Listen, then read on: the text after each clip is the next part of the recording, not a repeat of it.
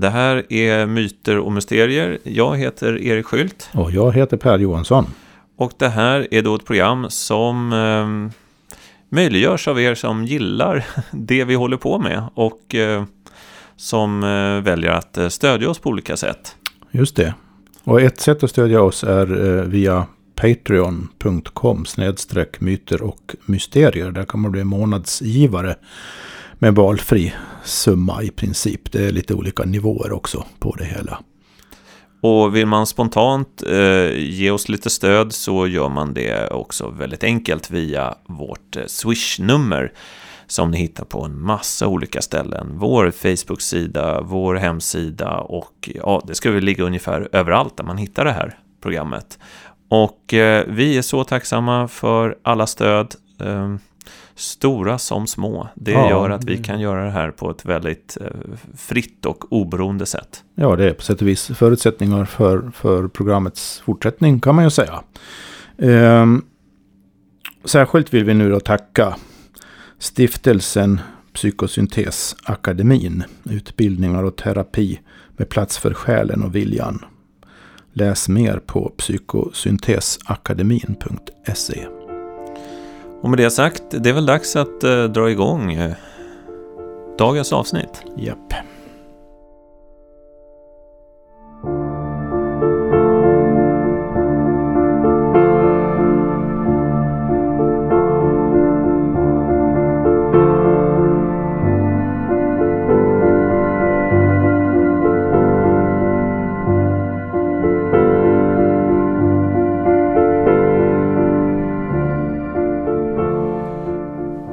Jag tänkte att vi skulle prata om lidande idag. Mm. Det här är väl någonting som nästan alla människor har eh, funderat över på ett eller annat sätt. Um, oftast snör man in sig i svåra filosofiska eller teologiska saker om hur kan det finnas lidande i världen och Eh, det finns ju det här klassiska teodicéproblemet. om, om Gud är allsmäktig, varför, varför tillåter han då lidandet? Eh, det där kan vi ju benämna kanske längre fram, men jag, jag tänkte börja med någonting mer personligt. För att göra det här, jag vet inte om man gör det begripligt, men det här var, var ett sätt att tänka som innebar någonting eh, Ja, för mig var det en djup eh, insikt. Och eh, det var en, en vän till mig som eh, sa det här. Han är präst, ska jag tillägga, men, men det, det kanske inte spelar någon roll just i det här fallet. Han sa så här att ja, det här med lidandet, det, det är ett mysterium och det är svåra saker. Men ett sätt att närma sig det, det är att skilja på lidande och smärta. Eh, för oftande, ofta så, så, så mm, blandar man ihop det här eller ser det som, som eh, samma sak. Ehm, och smärta då när han talade vidare, det är någonting som absolut inte går att undvika som människa. Alltså det, det är helt det är helt galet att försöka undvika all typ av smärta. Att leva är att, att, att känna smärta på olika sätt. Och vi måste känna smärta för att kunna navigera oss i världen. Det är det här barnet som, som, som liksom lägger handen på eh, den varma plattan eller någonting och drar undan den. Eh, det är till och med farligt eh, att inte ha, en käns inte ha känsel och inte kunna känna smärta. Men lidande eh, skulle kunna vara någonting lite annorlunda. Eh, och eh, så fortsatte han och försökte ringa in och säga så här, men tänk om lidande är eh, smärta som upplevs som meningslös. Och eh, då kom jag att tänka på en sak som har eh, hänt mig i eh, närtid. Jag fick ju barn för några veckor sedan. Och eh, det här är ju förstås en väldigt stor sak. Ehm, det skulle vi kunna göra ett helt program om. Bara det. Men eh, jag ska säga någonting kort om eh, förlossningen som vi då båda var med om. Jag då bara som stöd förstås vid sidan av och, och min flickvän som, ja, som gick igenom hela förlossningen. Eh, eh, det var ju att möta en eh, otrolig smärta faktiskt. Eh, det, var, det var något helt nytt för mig att se det och vara i det rummet där den smärtan eh, uppenbarade sig. Och jag tror att för många människor, eller för många kvinnor, så är väl det den, den, den största smärtan som man kommer känna i ett liv. Antagligen. Ehm. Men var det ett lidande? Jag skulle säga att det inte var det. Det var alltså eh, eh, en passage eller en händelse som med, med en stor, stor smärta.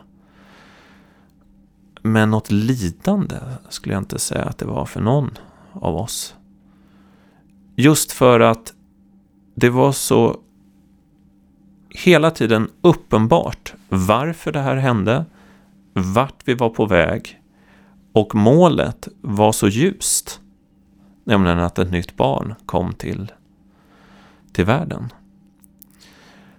Och eh, det som var uppenbart var ju också att eh, så fort barnet kom så var liksom smärtan över. Då, då liksom byttes den till, någon, det byttes till någonting otroligt ljust. Och därför skulle inte jag vilja säga att det här var ett lidande. Och eh, det som jag då, och jag tänkte vi skulle kunna prata om det fram och tillbaka här idag, är att tänk om det är så här livet är. Förstår du att, att det är eh, det som i djupet plågar oss i lidandet, det är att vi inte vet varför det sker. Och vi vet inte, vi ser inget konstruktivt i det. Vi vet inte vart det är på väg. Givetvis så kan det ju finnas ett meningslöst lidande ibland. Eh, det är ett av de här stora mysterierna, hur det kan vara så.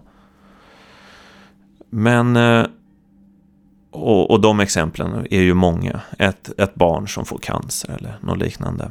Eh, det måste ju vara ett meningslöst, totalt meningslöst lidande. Men, men på det stora hela så tänker jag att de, i de flesta fallen när man upplever, och även i mitt liv när jag upplevt ett stort lidande, så har det ändå funnits någonting meningsfullt i det som, som inte varit, varit, eh, det har varit dolt för mig.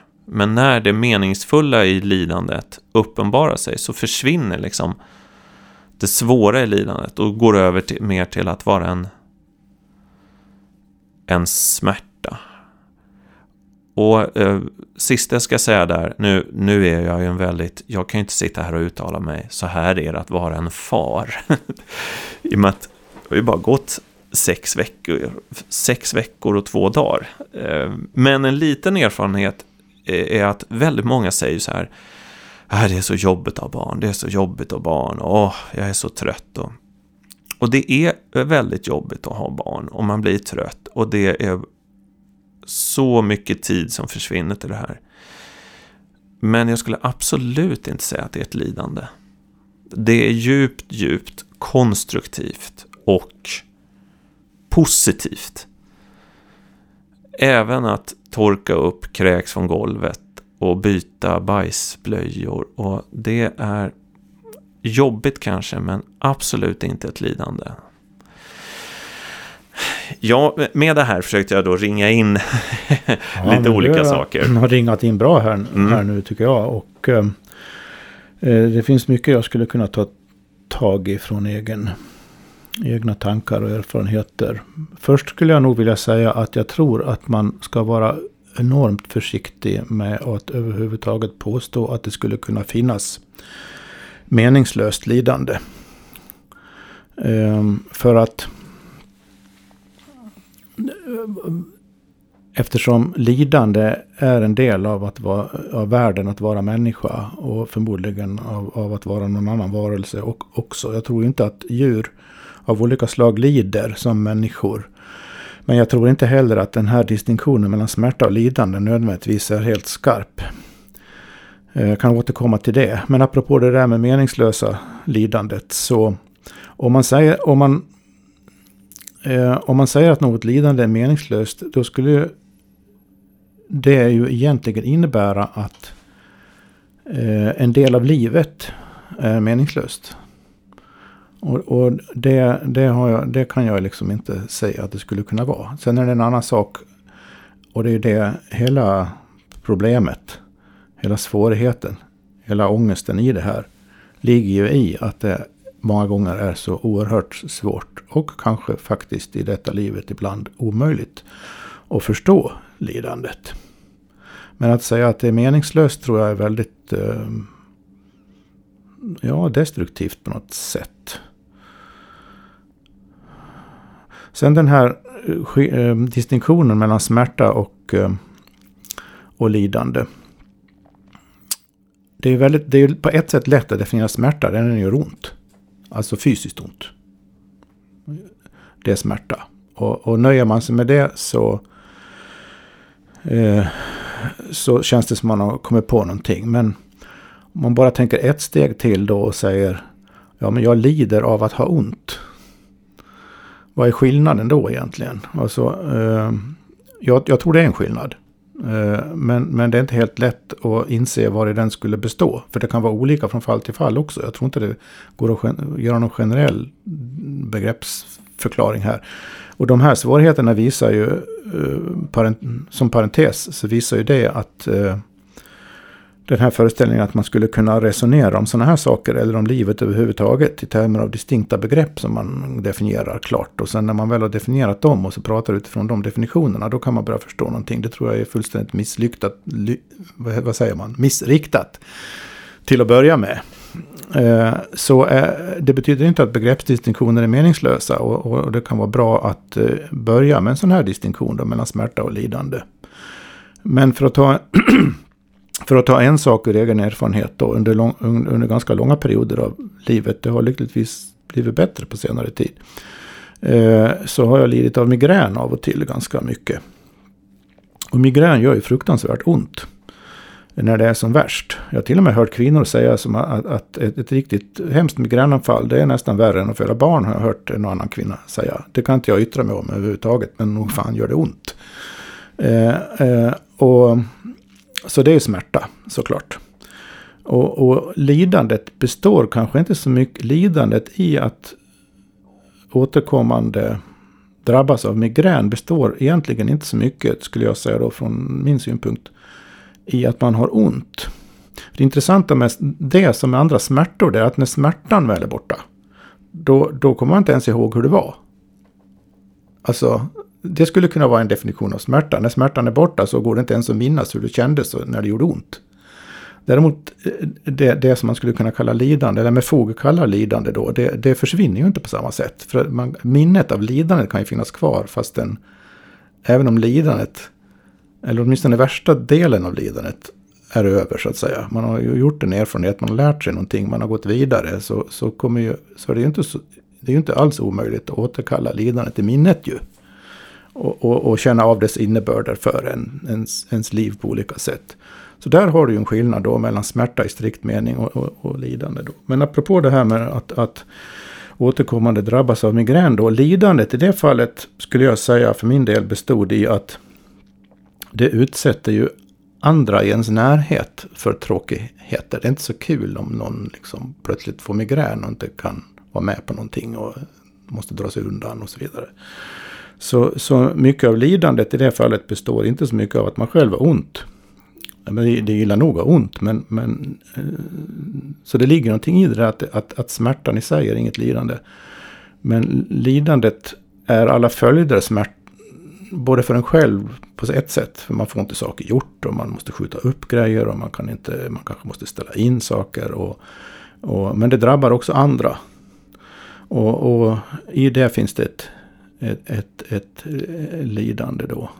Så det kan, det kan ju tjäna som någon sorts Mm. utgångsillustration för att även om man i vissa resonemang kan göra en tydlig åtskillnad så är det i levande livet inte alltid så lätt.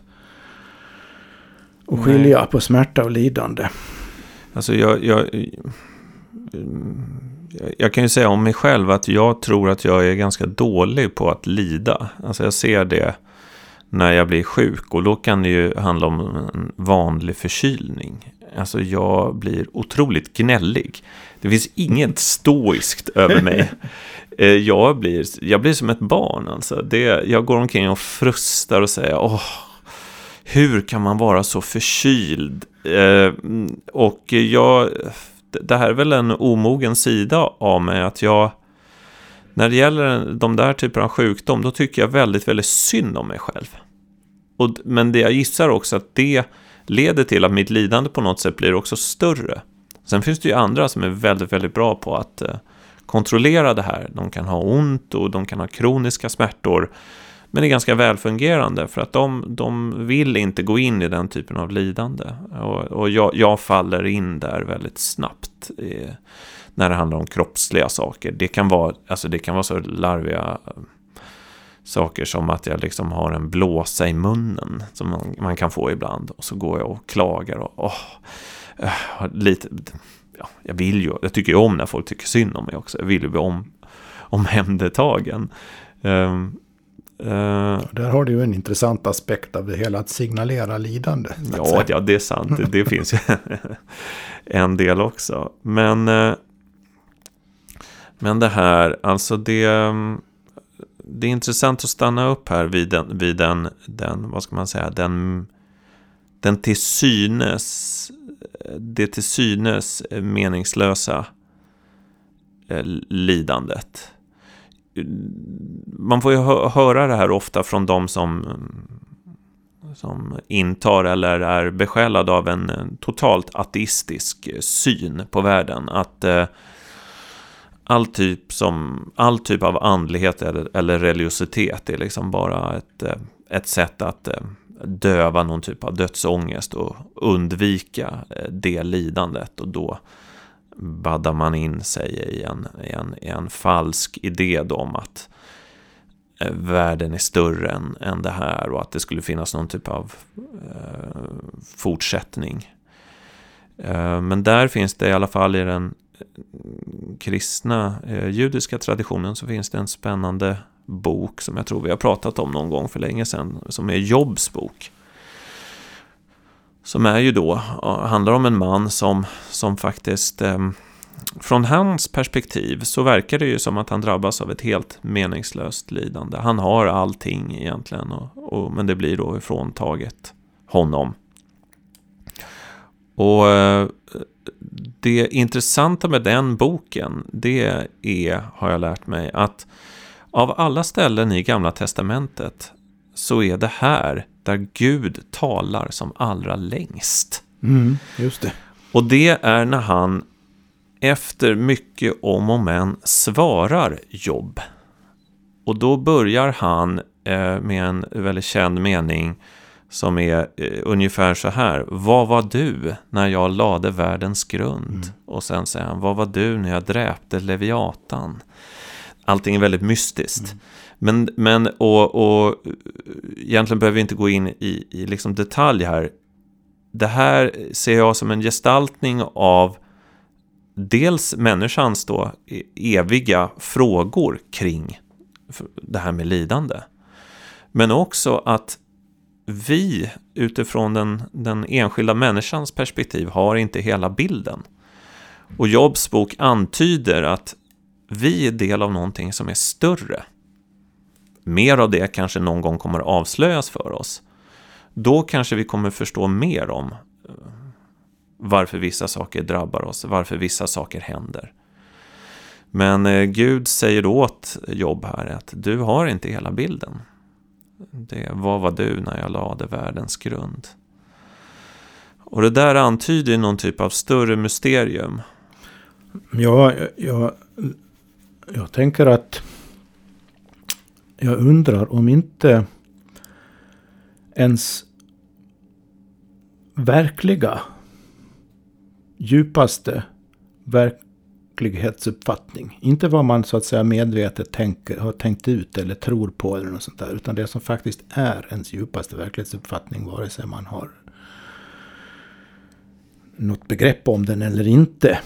Avslöjas i, eh, i ens lidande eller i närståendes lidande.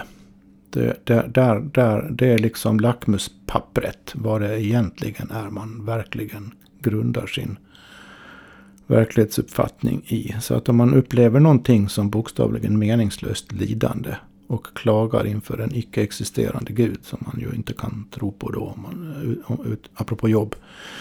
Um, då avslöjar man ju, sig, avslöjar man ju sin faktiskt eh, grundade uppfattning i sig själv, i sin varelse. Att man eh, egentligen eh, är benägen att se livet som meningslöst. Och den meningslösheten så att säga oförskämt nog avslöjar sig då i, i, i lidandet så att säga. Och, och, och, det där har ju en del av de mer radikala existentialistiska typ filosoferna dragit till sin spets. Olika romanförfattare och andra. Och det är ju en sak att gestalta det där då. Och i vissa fall så tror jag det kommer ur en... Från personer som verkligen känner, känner så. Men i andra fall kan det också vara att man gestaltar en ytterlighet för att som en, få en sorts kontrastverkan, väcka en reaktion. Nej, men ja, men drar man det så till sin spets så går det för långt så att säga. Så då, då väcker man en sorts insikt eller upplevelse av av meningsfullhet. Genom att göra saker så totalt meningslösa så väcker man någon, någon intuition om meningsfullhet. Mm. Kanske inte i sig själv då, men i bästa Nej, fall i ja, andra. Precis så det där som... är ju intressant, eh, kan jag tycka. men det, ta en, Säg att man är en person Jag argumenterar inte för eh, den ena eller den andra uppfattningen här, för det är ju helt meningslöst. För som jag sa är det, är det här frågan om vad man i, i den stunden det drabbar en just då har, egentligen har för uppfattning, det avslöjas ju. Sen kan ju den ändras. Jag menar det här lidandet i fråga kan ju väcka en erfarenhet, ge en erfarenhet som gör att man faktiskt ändrar sin verklighetsuppfattning. Men i, i, i den omedelbara reaktionen så avslöjas ju den man har då och då. Därför är det ju meningslöst att argumentera om det.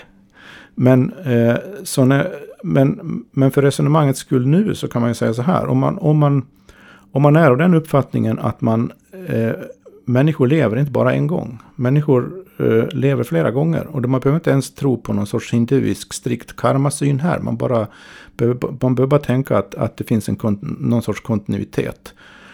Och att, att en mening med det är att man eh, lär sig någonting om livet. så att säga. Att man gör erfarenheter. Som, som, som, eh, och det är så många erfarenheter som behöver göras. Det är så mycket mycket som behöver inses och förstås. Så det räcker inte med ett liv. Det behövs några tusen eller något.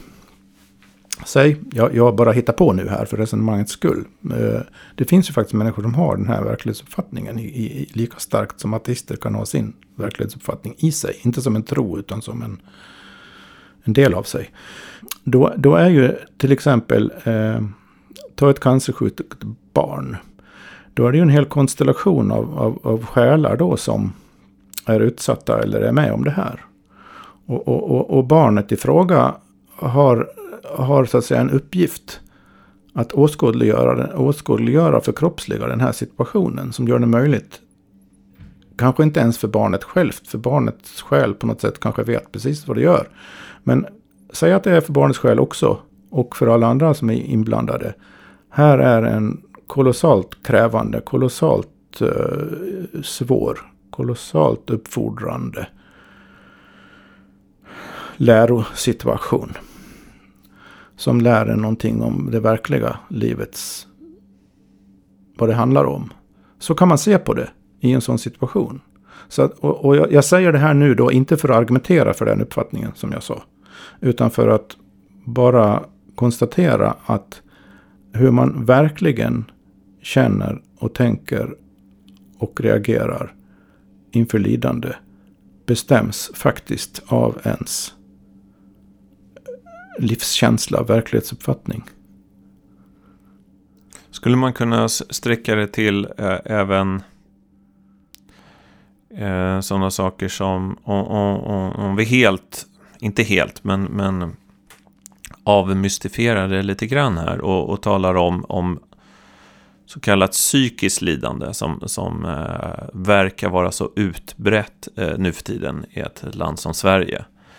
Eh, så finns det ju i, i mycket modern retorik och eh, vetenskaplig syn på det är att det är olika typer av eh, obalanser i, i kroppen och hjärnan eh, som då kan, eh, rätt, eh, som man kan rätta till med eh, mediciner. Och, och många vittnar ju också om att det, deras liv blir bättre av den här typen av medicin. Men man skulle också kunna säga att, eller man skulle kunna undersöka den motsatta tanken att det som är ångesten som man upplever då, eh, någonting väldigt mörkt, eh, för annars skulle det inte vara en riktig ångest, också har ett budskap till oss. Um, när jag tittar på mitt liv så kan jag nog eh, säga att... Uh, vad ska jag säga? Ja, det, det, det tror, jag tror att man... I, I den här typen av lidande så går det så... Man kan komma så långt så att man inte, inte kan komma tillbaka. Alltså att det... det man går under helt enkelt. Ja, det, är, för det är fullt möjligt. Det är ju så. Det, det, det, är, det, som, det, det är på riktigt allting det här. Det är det som är det värsta. Det är liksom ja, ingen, absolut. Det är ingen och, pjäs. nej, och skulle inte den möjligheten finnas att man är på väg eller det finns en risk att man går under, då, då är det ju inte någon riktig kris. Då är det bara en typ av daglig oro som alla mm. måste leva med. Men i den riktiga krisen så måste det ändå finnas, och, och man tror jag för att tala om en egen kris så måste man ha känt att det här kanske inte slutar väl. Uh, och vissa av de djupa, mörka tillfällen så kanske man...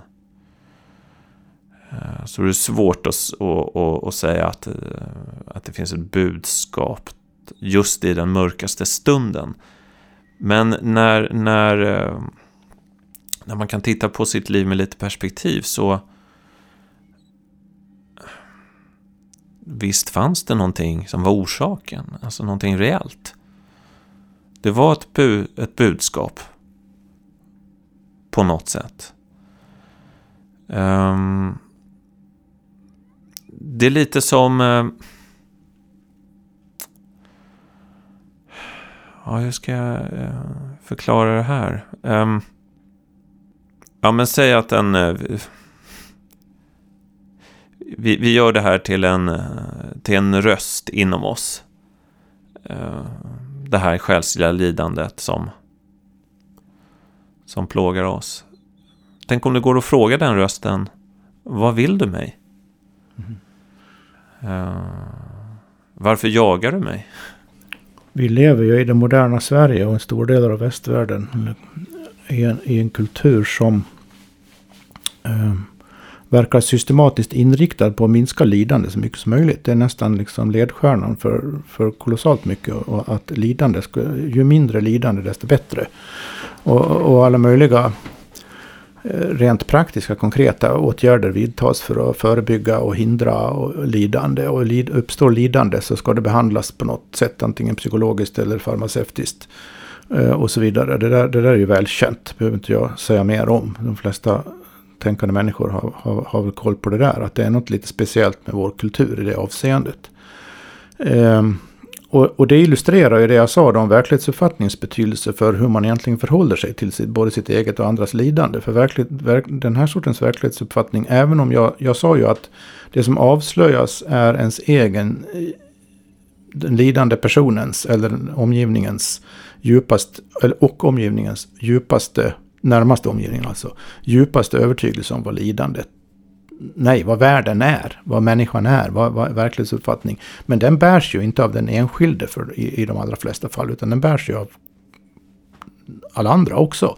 Alltså kulturen genomsyras ju av det hela. Och det är den som liksom ger kontexten. Så att om det, om det i kulturen inte finns eh, och då behöver man inte generalisera för att olika människor i, i svenska samhället lever ju faktiskt bokstavligen i olika kulturer. Så att det, går inte, det, här, det här går inte att göra några generella yttranden heller. Va? Men eh, väldigt många så kallade normala svenskar, om man får använda ett sånt uttryck, är, eh, är ju ganska fast i det där att lidande ska undvikas.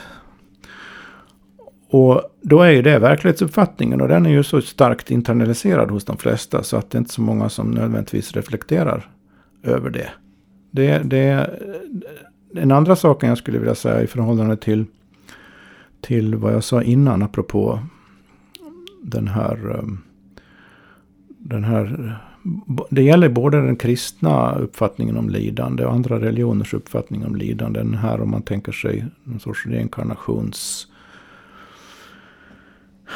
verklighet. Eh, inga, inga av de uppfattningarna har ju som konsekvens att lidandet minskar ett enda dugg. Lidandet är ju exakt lika stort i alla fall. Så att det är ju inte det att...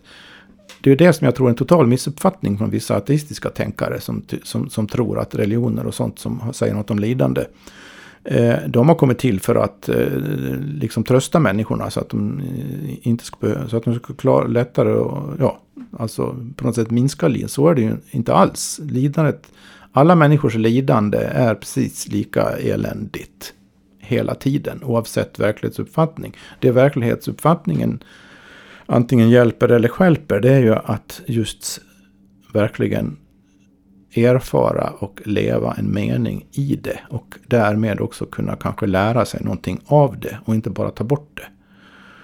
Det är det som är knuten liksom.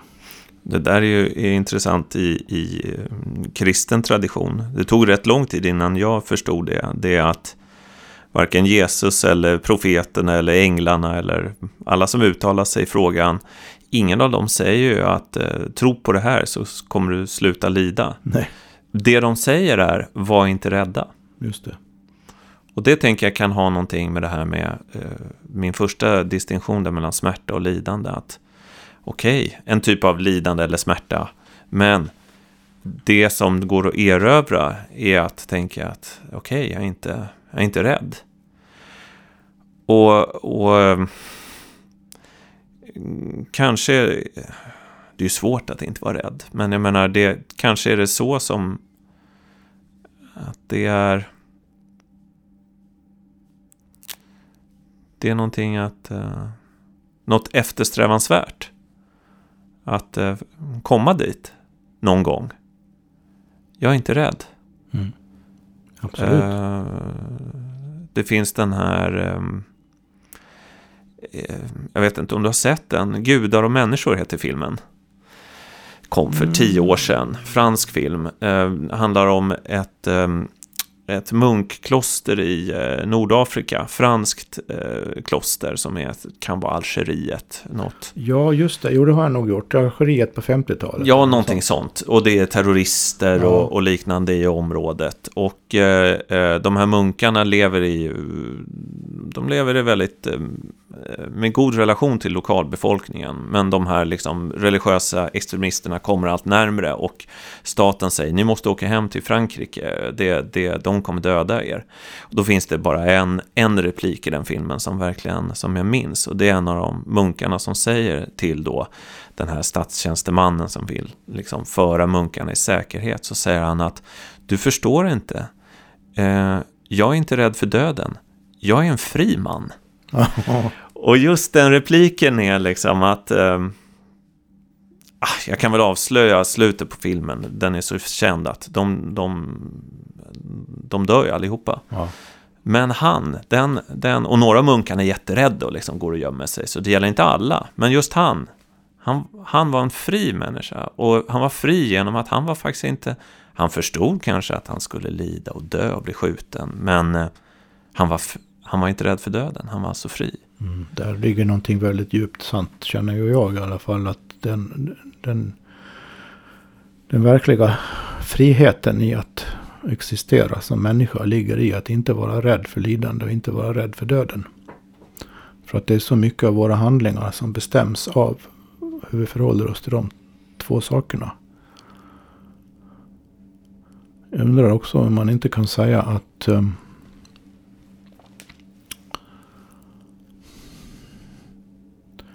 Det är ett lidande i sig att vara människa. Faktiskt. Och då kan man ju undra vad, vad skulle det vara? Vad är det förknippat med? Det låter ju lite dystert när man säger det så. Men jag menar det egentligen inte så. För att, att, att kunna lida är också att leva. Om man inte lever helt fullt och inte utsätts för någonting, inte utsätter sig för någonting, inte tar några risker.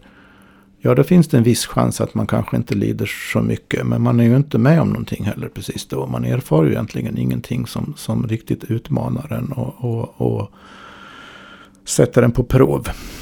Både glädjemässigt och, och, och på andra sätt. En, en oerhört djup glädje över någonting kan ju nästan vara en sorts lidande det också. För att det är så inkongruent med en, den vanliga grå vardagen. Vad ska man göra av det liksom? Uh, men den mänskliga existensen. Om man överhuvudtaget då ställer sig frågan eller tänker tanken på fullt allvar att eh, svaret på frågan vad är meningen med att vara människa? Det är att utveckla sin medvetenhet till högsta potens. Att så att säga växa i insikt, att växa i förmåga att uppleva, erfara, glädjas, vara ledsen, njuta, allting. Allting i högsta potens så att säga på någon sorts och det har att göra med att en, en, en medvetenhet. Att man inte låter sig tryckas ner eller begränsas av sina egna tillkortakommanden. Utan, utan, och det är det som på något sätt er, livserfarenheterna handlar om. Att man, att man både erfar och kommer förbi sina tillkortakommanden och fel och brister. Aldrig helt och fullt, men mer och mer om man nu kommer någon vart. Och ingenting av det där kan äga rum utan lidande. Varje, varje av, avgörande steg på vägen innebär lidande. Det, det går liksom inte att, att, komma ifrån. Och därmed inte sagt att, att, man, att, att det är till någon hjälp överhuvudtaget att så att säga skynda på det genom att sträva efter att lida. Det finns ju en del som får för sig det. Det finns ju ja. vissa asketiska traditioner i kristendomen till ja. exempel som, som har gått ut på att att, att, att, plåga sig för att komma, komma närmare Gud fortare. Det där måste ju vara helt, helt knasigt, helt fel. Fullständigt. Inte, inte, ba, inte bara kristendomen. Nej, ganska precis. Det är ju ganska vanligt det där att mm. hitta någon sorts genväg. Och det, en, en genväg skulle då vara, ju mer man lider desto fortare kommer man till insikt. Och, och det, men, så att fram, det, det där säger någonting väsentligt också tror jag. Att, alltså att man kan inte, det måste vara ett oavsiktligt eller oönskat eller oförutsett eller oförstått lidande för att det ska, man ska kunna, för att det ska vara meningsfullt. Mm. Ett, ett levande lidande skulle man väl kunna Men det är ju en följd ja. av, av, av, av livet. Alltså av att att vilja leva, mm. att vilja utvecklas, att ja. vilja uppleva, att ja. vilja glädjas. Allt, det, det är hela den där livsviljan. Ja. Det är ju den som, som, som ger upphov till lidandet när den så att säga störs av någonting.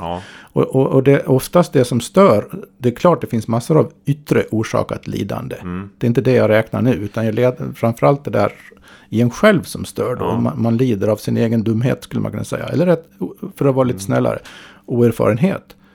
Men om man säger så här då. Um, jag kommer att tänka på en sak som jag nämnde för länge sedan. Eh, som handlar om... Eh, vad ska man säga? Vad, vad, vad världen går ut på. Eh, vad vill djävulen, om man säger så? Mm. Han vill åt vår själ.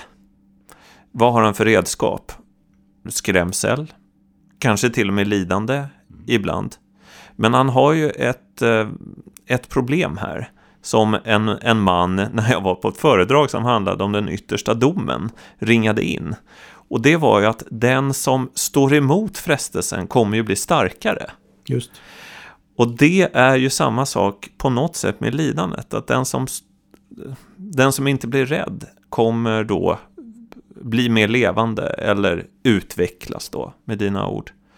Ja, men tänk också vad levande man känner sig när man mm. lider. Ja, på ett sätt. Precis, Alltså. samtidigt som... Så inte för att Mm. man ska stanna där då för att oj vad levande Ja. jag är som lider nu. Men alltså det, det finns ju någon... Det är ju på ett sätt en... Om, om det ligger någonting i det jag sa nyss, att, att den mänskliga existensen som sådan oundvikligen är en sorts li, lidande med en mening i sig. Mm, Då, då, då är ju...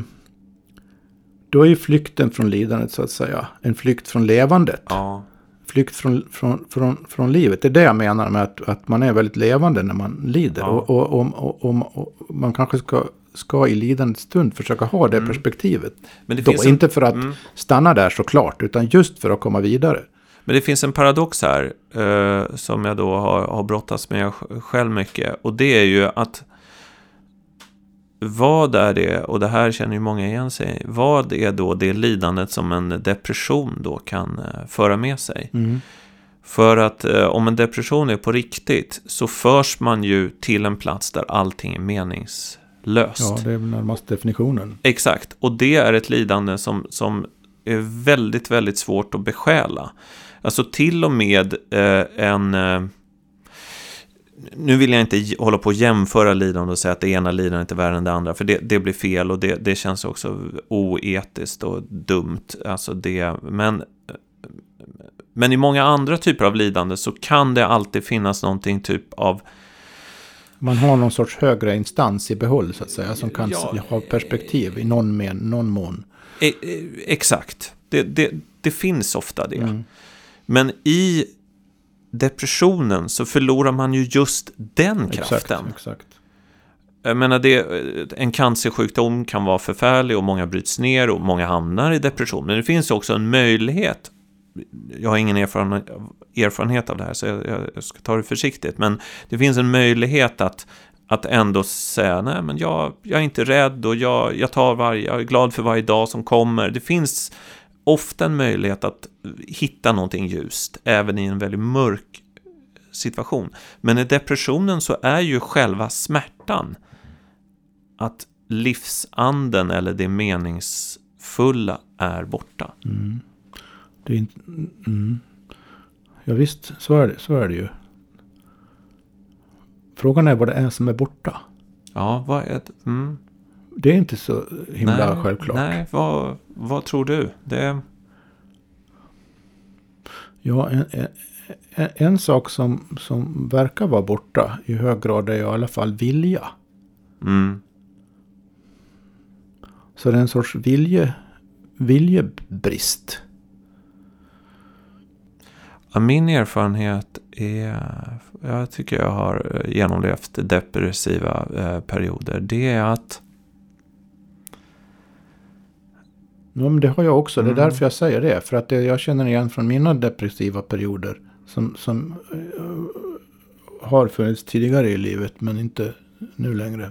Så är ju just det att det som har varit värst är att viljan har försvunnit. För att man, man jag, det finns ingen vilja att ta, att, att kom- ta sig ur det. nej, Sen går det, har det i mitt fall då, och för många förhoppningsvis, liksom på något sätt, oklart hur ibland, gått över.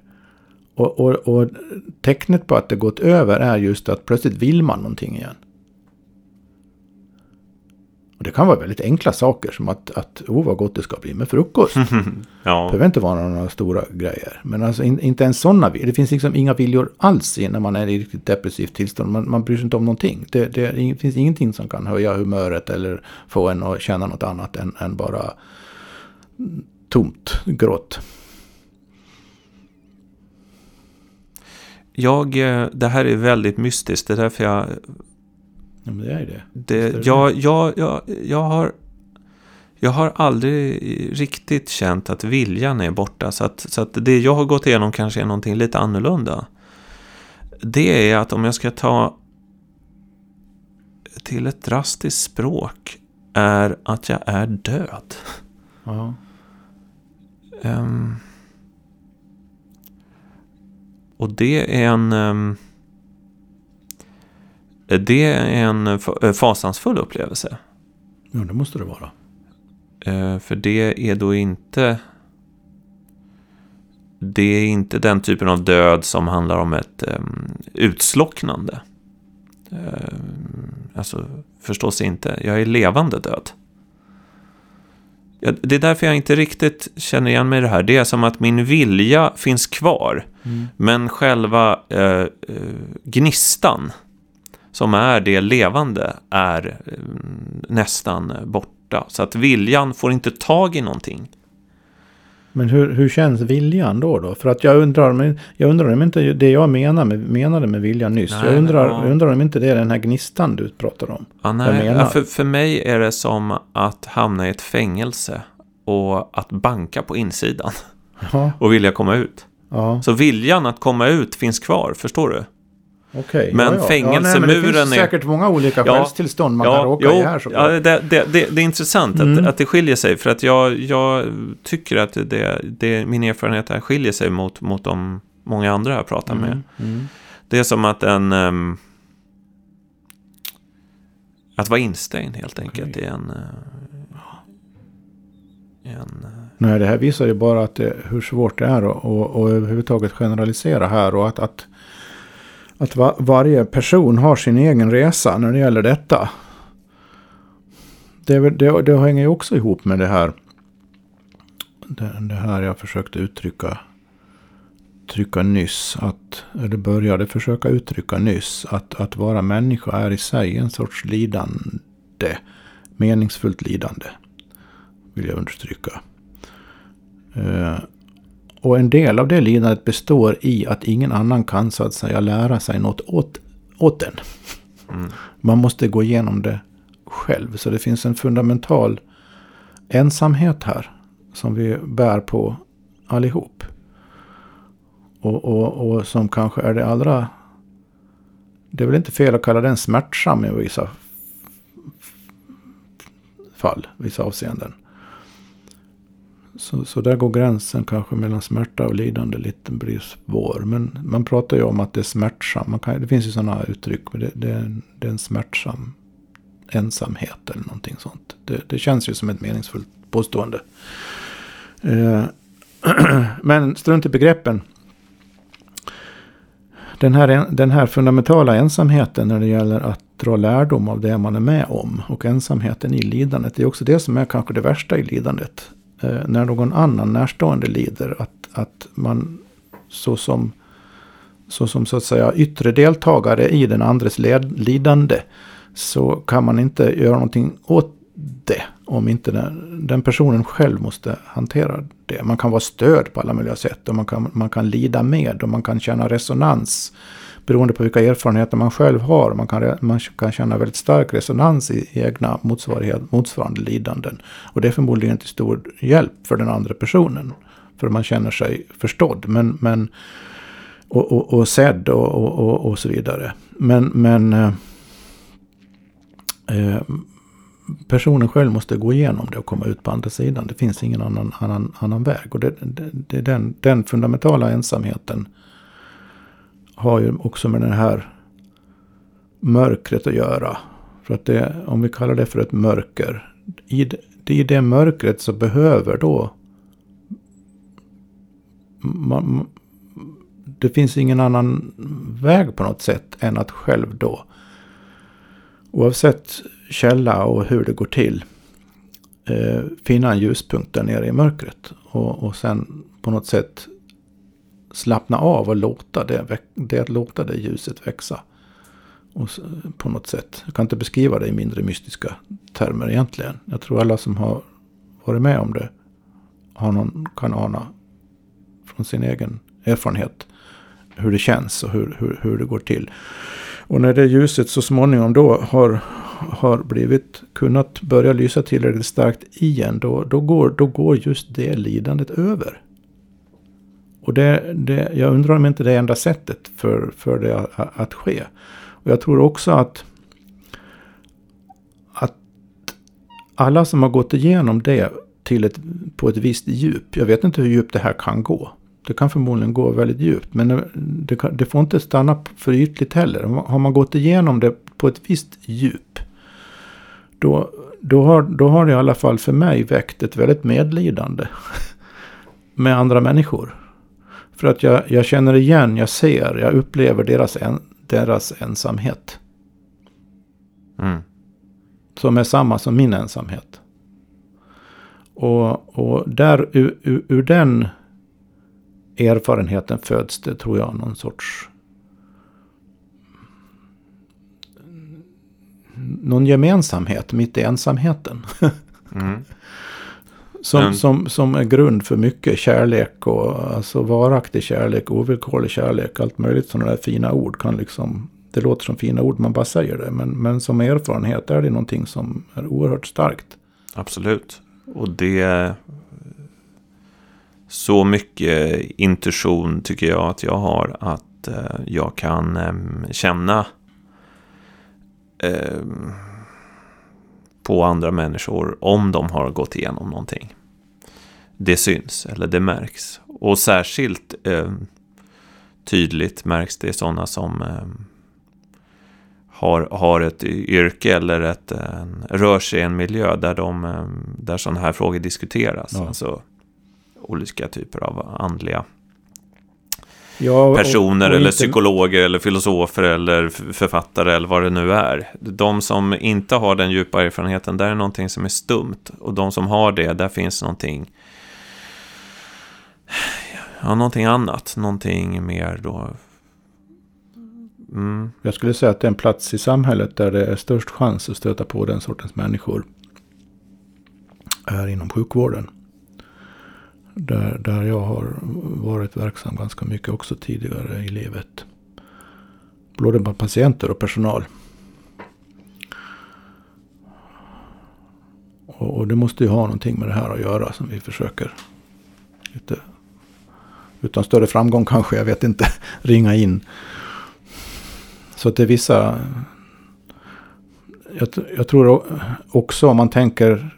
Om, om, om, jag tänker på dem vänner och bekanta jag har som är väldigt djupt allvarliga människor. Men som samtidigt också är fruktansvärt roliga människor. Så tror jag det också har med det här att göra. Att, och det, jag tror det, det är väldigt signifikant det här. Sådana här uttryck som galghumor. Som ju nästan behövs, särskilt inom vissa, vissa typer av yrken. För att man ska klara av det överhuvudtaget. Och jag, jag, det springer ur, ur, jag tror det är i de fall där det är, där det är genuint, verkligt djupt mänskliga människor, så att säga. Så springer det ur den här, den här typen av erfarenhet. Av att ta sig ut, att sjunka ner och ta sig upp igen växa ur det så att säga på något sätt. Då ser man också. Då kan man också.